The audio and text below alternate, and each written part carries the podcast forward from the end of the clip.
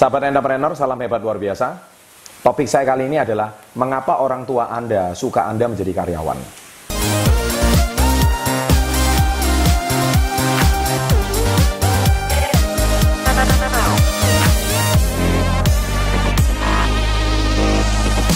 Baik, mengapa saya membuat tema ini? Karena ini menjawab pertanyaan subscriber yang mana para subscriber bertanya, Pak, kenapa saya ini pengen jadi pengusaha? Tetapi orang tua saya ini tidak mendukung. Artinya dia lebih mendukung saya menjadi seorang karyawan.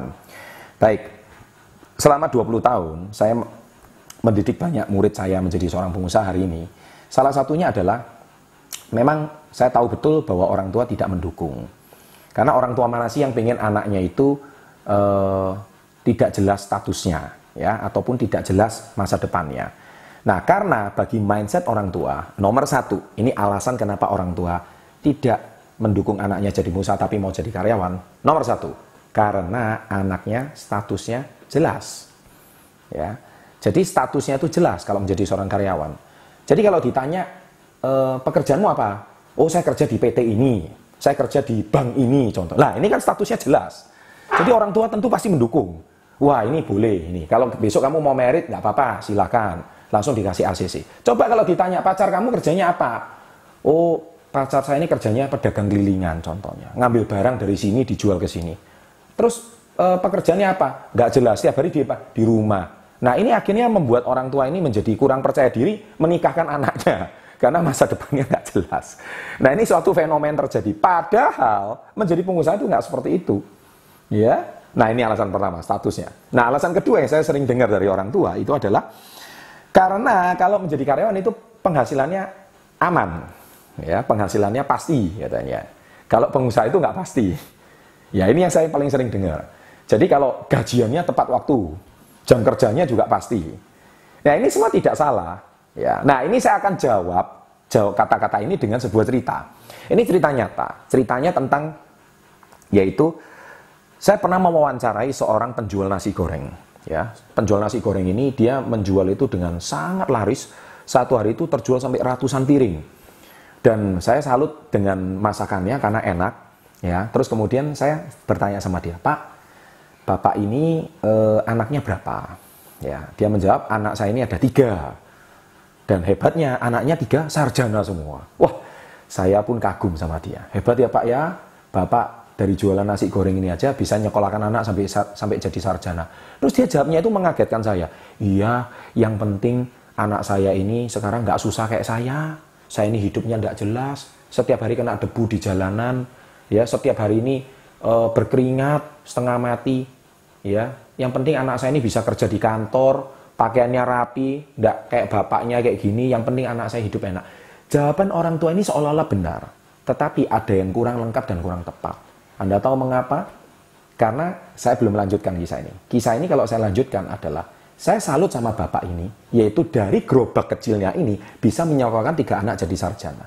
Tapi saya tanya, apakah anaknya yang pakai jas keren, yang pakai lengan panjang keren, pakai dasi keren, yang setiap hari di kantor, ya eh, jam kerjanya pasti itu dan terima gaji yang pasti itu, saya mau tanya, kalau suatu hari anaknya bisa punya tiga orang anak sama kayak dia, alias cucunya dari penjual nasi goreng ini, bisa nggak dia sekolahkan tiga orang anaknya jadi sarjana?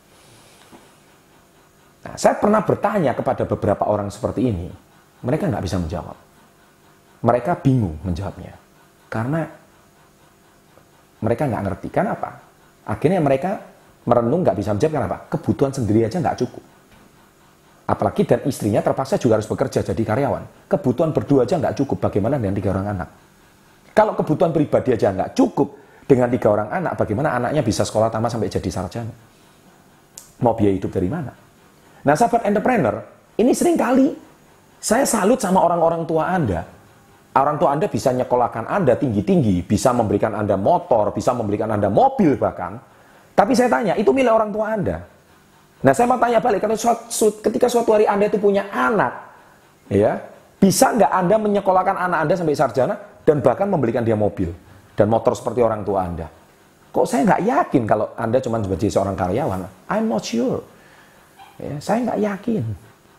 Ya, sahabat entrepreneur, sekali lagi saya ini bukan anti karyawan, tidak. Ya, ada juga teman saya yang karyawan sukses menjadi eksekutif, ada juga. Tetapi yang saya poin yang saya mau sampaikan di sini adalah kenapa kok orang tua itu suka Anda jadi karyawan?